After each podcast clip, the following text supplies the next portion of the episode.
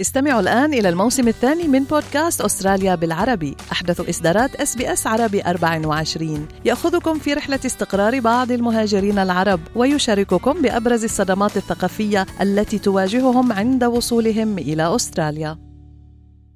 أنتم مع إس بي إس عربي 24 استمعوا إلى آخر إصداراتنا بودكاست الهوية.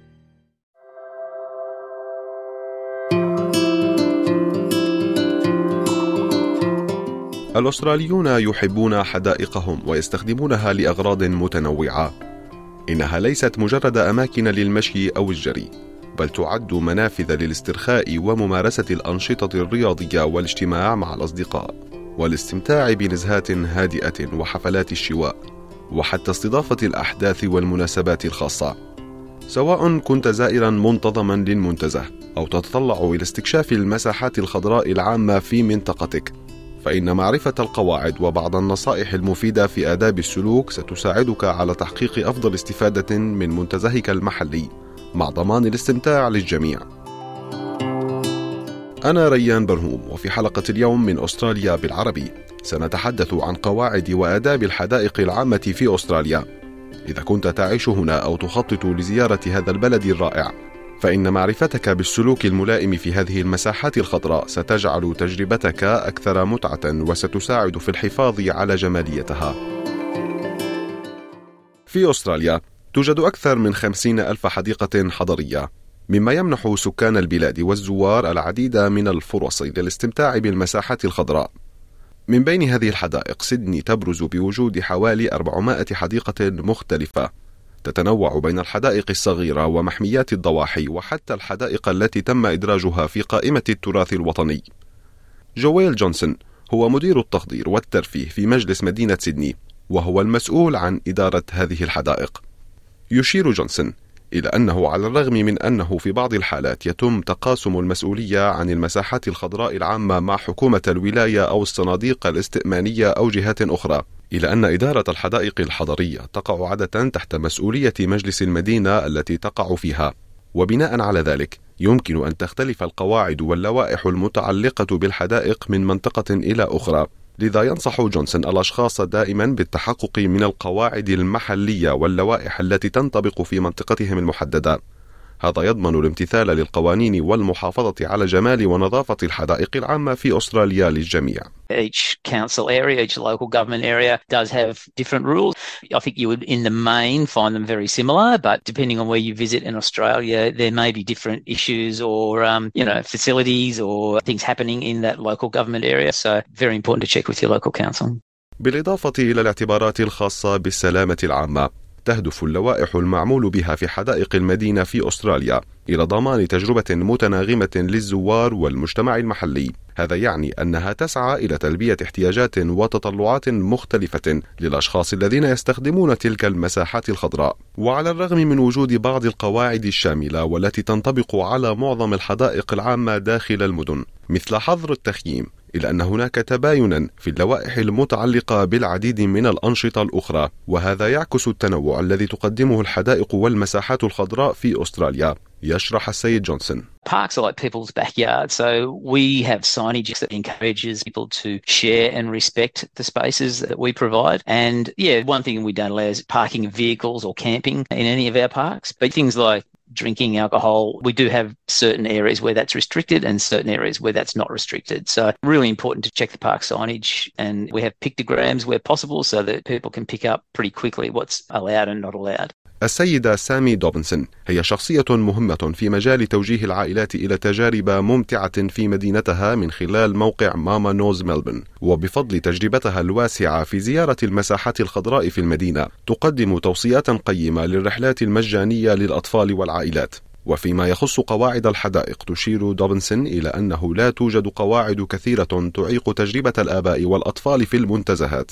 ومع ذلك تلفت الانتباه إلى وجود مجموعة متنوعة من القواعد التي تختلف من حديقة إلى أخرى خاصة عندما يتعلق الأمر بالحدائق الكبيرة Places like botanical gardens where you can't kick a football and there might be some you know, regulations about ball sports or large parties of people gathering in some botanical gardens. وبحسب السيدة دوبنسون آداب التعامل مع الحدائق والملاعب في العديد من الحالات تعتمد على المنطق والاحترام الأساسي للمكان وللآخرين. Things like taking your rubbish with you if you can, or finding a rubbish bin to use before you leave, cleaning up after yourself, making sure that the kids are playing on appropriately sized play equipment. You know, if you've got a toddler area, you don't want to be sending big kids coming down the slide with the little kids. Could be a bit intimidating. So there's just a little bit of common sense when it comes to those.